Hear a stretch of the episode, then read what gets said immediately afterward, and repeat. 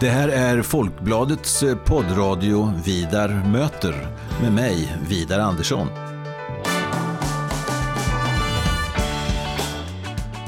Jag är eh, chefredaktör på Folkbladet och jag är också ansvarig för Folkbladets ledarsida som eh, skrivs utifrån en oberoende socialdemokratisk hållning.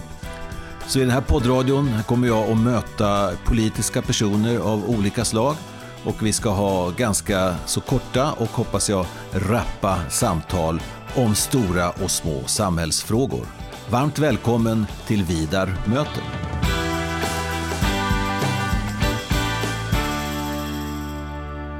Lars Stjernkvist, varmt välkommen till Vidar möter. Tackar. Mm.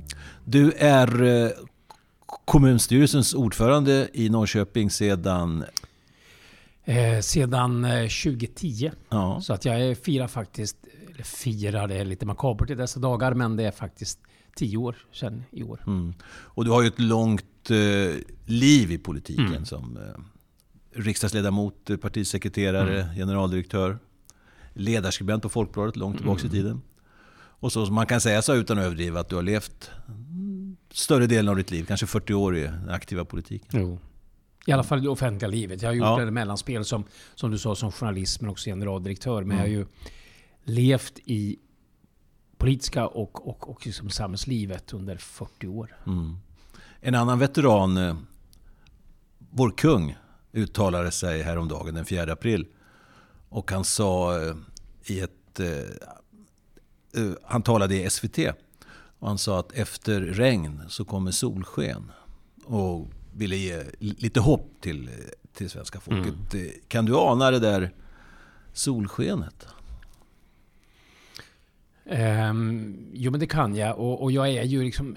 Det är väl därför man är politiker tror jag. Därför att man har en sån otrolig, liksom i grunden, optimism. Och tror på att man faktiskt kan påverka. I alla fall är det det som driver liksom mig. Att jag, jag tror det. Så därför så om det inte finns där så, så intalar jag mig att, att det trots allt finns ett, ett ljus. Men, men jag tycker också att i det här svåra läget så, så kan man ändå se saker som gör att man faktiskt blir hoppfull. Eh, både när det gäller enskilda människor, hur de mm. uppträder och agerar i vårt samhälle. Eh, vi pratar väldigt mycket om vad som, vad som skiljer oss åt. Um, i de, i de, vid sådana här tillfällen märker man verkligen vad det är också som förenar oss och svetsar oss samman alldeles oberoende av vad vi sysslar med och var vi kommer ifrån. Kvinnor och män. Mm. Um, men jag tycker också att, att, när man höjer blicken och tittar internationellt så finns det också saker. Alltså det här självklara samarbetet mellan forskare världen över där, mm. man, där man eh, fokuserar på en gemensam uppgift. Det, det är klart att det, det måste rimligen liksom leva kvar framöver och leda till att, att vi, vi behåller en del av det sen, sen även när den här krisen är över. Så jag tycker det finns, det finns saker som inträffar även nu som gör att jag blir hoppfull. Mm. Uh, du var ju min första gäst i Vidar möter mm. i den här podden och det var den 23 januari. Uh, ganska nyss mm. kan man tycka ett normalt mm. perspektiv men mm. när jag lyssnade igenom det programmet och, och allt det vi talade om då om eh, gängskjutningar, om, om kriminalitet, om förhållande till Sverigedemokrater och, mm. till Miljöpartiet och hur det ska gå med saker och ting inom politiken. kan man säga. Vi talar om allt mm. utom allt som vi talar om nu. Mm. Det har gått väldigt fort. Mm. Vad säger du jag menar, med din er, erfarenhet eh, av eh, politiken och livet? Vad, går det att jämföra med någonting du har varit med tidigare? Alltså jag har varit med om situationer där, där plötsligen eh, dagordningen och samtalsämnen har förändrats oerhört dramatiskt. 90-talskrisen eh, skedde inte lika plötsligt men ändå. Det var en, en sån där oerhörd förändring. Mm. Jag minns ju till och med när oljekrisen slog till och hur den förändrade mm. bilden av... av eh, Början av 70-talet? Ja, ja, ja, eh, mitten. Ja. Um, och du... Och då är inte så gammal. Eh, men eh, du har också haft tsunamin och den typen av otroligt dramatiska händelser som gör att, att klockan nästan stannar och man mm. liksom känner att nu står det och väger. Jag har alltid sagt att på något sätt så efter de här händelserna så återvänder vardagen och vardagen är, är sig förvånansvärt lik. Mm. Um, men det där är ju lite grann en sanning med modifikation. Därför att det är klart, varje kris bidrar också till en mer långsiktig förändring. Mm. Och jag tror att det vi upplever just nu, som ju...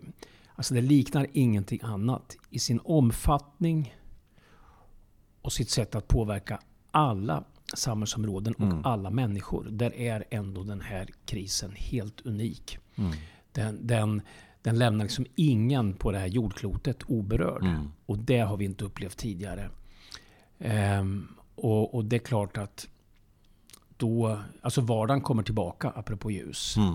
Det kommer en dag när jag kommer att fundera på hur det ska gå för Sleipner. Och, ja. och eh, där jag kommer att fundera på eh, hur, eh, hur vi ska utforma detaljplanen i, i, i Eksund eller någonting sånt. Men, men jag tror ändå att den vardagen vi kommer att återvända till blir något annorlunda. Mm.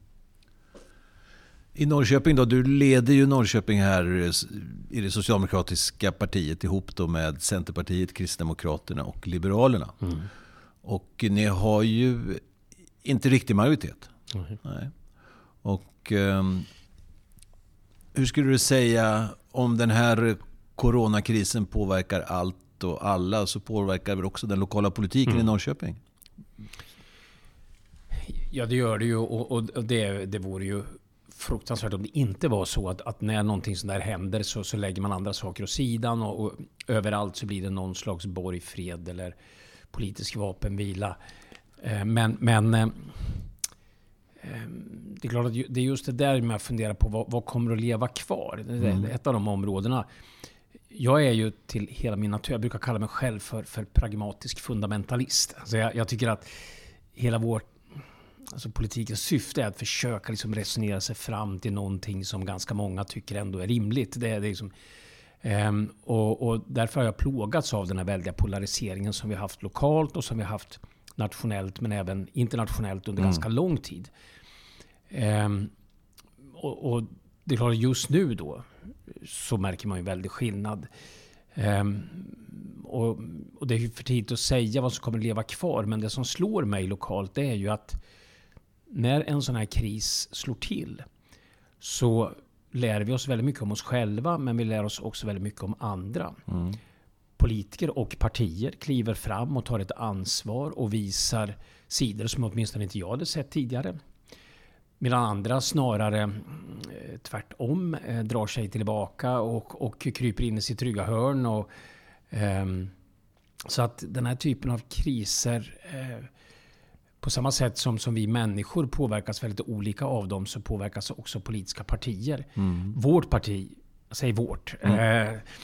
eh, eh, Socialdemokraterna. Eh, alltså det är ingen slump att vi går fram i sådana här lägen. Därför att för ett parti som, som till hela sin natur vill ta ansvar som ett regeringsparti.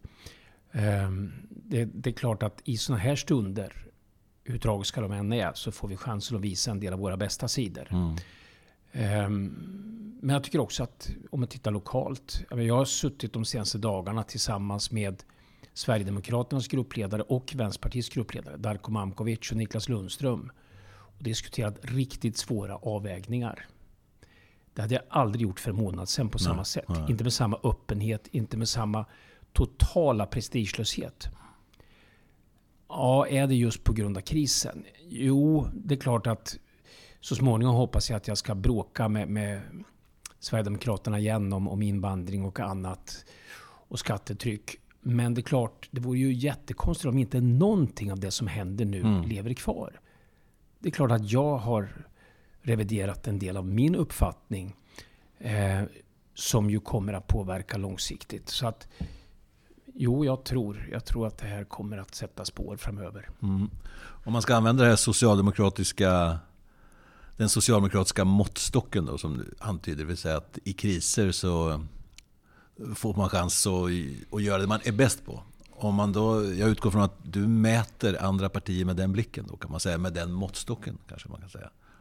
Och eh, eh Stiger de fram då? Du, du, du nämnde Vänsterpartiet, Niklas Lundström och mm. Eh, Sverigedemokraterna, Darko Mamkovic. Eh, har de samma, de kanske har samma gener rent av. Alltså, eller att de vill göra, det, det här locka fram det bästa, inte hos alla men hos många. Ja, om, om man med det bästa menar att, att vi, vi, vi väljs in som, som politiker för olika partier och, och vi slåss för att vårt parti ska, ska, ska eh, naturligtvis vinna så stor mm. framgång som möjligt. Men det som ändå förenar oss, och det menar jag är en god egenskap, det som ändå jag tycker ska förena oss, det är ju att vi ändå i allt det vi gör försöker bidra till att Sverige eller Norrköping utvecklas på bra sätt. Mm. Och det är faktiskt, när det verkligen ställs på sin spets, är det mm. överordnat. Mm. Till och med de personliga och de partipolitiska ja. intressena. Mm. Och där tycker jag att jag har sett drag under de här veckorna. Eh, som har glatt mig, som, som har gjort mig mer optimistisk. Mm. Eh, det finns en inskription på Norrköpings rådhus där det står att, att Norrköpings stad som reser sig ur askan. Ja. Eh, och när vi berättar historien om Norrköping så pratar vi ofta om att arbetare och industriägare har gått mm. samman och hjälpt oss mm. eh, ta oss ur kriser. Och lite grann det märker jag nu. Att, mm. att, att um, det finns ett engagemang och det finns en prestigelöshet. Och, och, och, det finns verkligen en, en vilja att ta ansvar för Norrköping som, som, som um, alltså, ja, egentligen kanske borde vara självklart. Men, men till vardags så är det tyvärr inte det. Men, men mm. nu tycker jag det. Hur allvarligt är läget då i, i Norrköping? Om vi, jag förstår att det, det kan ta väldigt lång tid att gå igenom det i alla verksamheter. Men kommunen är ju oerhört viktig framförallt när det gäller mm. välfärden, vården, omsorgen, skolan. Är det, är det ett jättesvårt läge eller svårt? Eller halvsvårt? Du tänker just beroende på corona ja, nu? Alltså. Ja, ja. Alltså det, om du tittar på siffrorna så är det ju så, vilket jag har störts av att det inte har uppmärksammats. Men Östergötland har ju flest bekräftade fall i, i Sverige. Och eftersom vi har haft en väldig koncentration till Linköping och Norrköping så förstår vi att situationen här egentligen är mer allvarlig än vad den är i Stockholm. Och, och lyssnar man på riksmedia får man inte riktigt det intrycket. Mm. Eh, det kan bero på en del journalisters oförmåga att lyfta blicken. Men jag tror också det beror på att vi trots allt var lite bättre rustade här lokalt. Vi mm. har fler sjukvårdsplatser, vi har hemsjukvård vilket gör att vi kan vårda fler på våra egna boenden. Mm. Så vi, vi, vi hade en, en bättre beredskap. Men det är klart att jag är väldigt orolig för den situation vi har just nu. Framförallt det med skyddsutrustning. Mm. Gud förbjude att vi hamnar i en situation där människor måste välja att gå in med risk för sin egen hälsa. Eller avstå mm. från att hjälpa en svårt sjuk. Um, men, så vi, vi, det är klart att jag är otroligt orolig. Um, men sen försöker vi här i Norrköping att ha en strategi där vi både kraftsamlar för att lösa det akuta. Men vi ska också se till så att vi går ur den här krisen. Mm. Bättre rustade än vad vi gjorde när vi lämnade en del andra kriser på 90-talet. När vi verkligen hade tömt alla resurser och under lång tid fick fick försöka liksom sanera vår ekonomi efter. Den här gången mm. ska vi försöka se till så att vi i alla fall i ekonomisk mening kan återvända till en vardag när den här krisen är över. Mm, det kan bli ett väldigt slag för många människor igen. Norrköping som precis bara för några år sedan vet jag du redovisar någon statistik att nu var antalet jobbplatser, arbetsplatser i Norrköping återigen lika många som de var ja. på 90-talet. Alltså man, och, och, nu börjar det om igen eller? Ja, alltså man kan ju säga att det tog, det tog alltså eh, 30 år nästan att hämta sig efter 90-talskrisen i ekonomisk ja. mening. Ja. Eh, men nej, alltså den här gången är vi bättre förberedda. Vi har lyckats hålla i våra reserver. Vi mm. har inte förbrukat dem. Så att vi, vi, eh, vi klarar det här ekonomiskt. Ehm, som det ser ut just nu i alla fall så kommer vi att kunna använda våra reserver för att, att mildra konsekvenserna av den här krisen. Och när den är över så kommer vi självklart att ha tömt våra reserver. Men vi kommer ändå ha resurser att driva vår verksamhet på samma sätt som vi kunde innan coronakrisen. Mm. Sen kommer det bli andra förändringar förstås. Mm. Och många diskussioner om hur man ska organisera verksamheter och annat. Men, men jämfört med många andra kommuner så är vi den här gången bättre rustade eh, ekonomiskt. Sen om vi är också bättre rustade politiskt, mm. moraliskt. Mm. Det får vi se. Men, mm. men eh, men ekonomiskt är vi det. Mm. Nej, det är som vi har varit inne på, i, i sådana här stunder så, så prövas ju, inte minst, ja, vi prövas, alla människor prövas mm. på ett eller annat sätt. Men inte minst de som har ansvarsbefattningar i och med att uppdraget helt ändrar karaktär. Ja, helt. Ja, det det. Ja.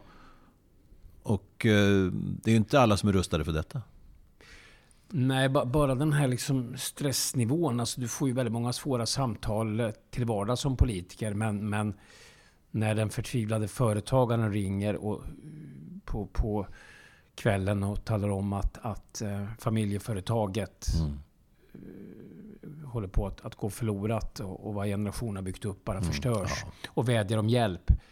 Så då är det liksom inte läge för en enkel politisk retorik. Mm. Um, och man förstår att man kan inte säga att ja, men det, där, det där är inte en kommunal fråga. Därför att i sådana här krislägen mm. så blir allt ja, allas ja. frågor i någon mening. Ja. Det är klart att jag också måste fundera på vad kan vi göra? Kan mm. vi bidra på något sätt för att förhindra att det här jäkla viruset sveper med sig en massa egentligen i grunden sunda företag och verksamheter. Mm. Du, om vi tittar lite på nationen, hur nationen sköts i dessa dagar. Mm. Vad kan man säga? Jag skulle vilja börja den här tråden, i mina ögon lite märkliga maktmanövrar här. Att eh, regeringen känner något behov av att liksom kunna runda riksdagen under tre månader här.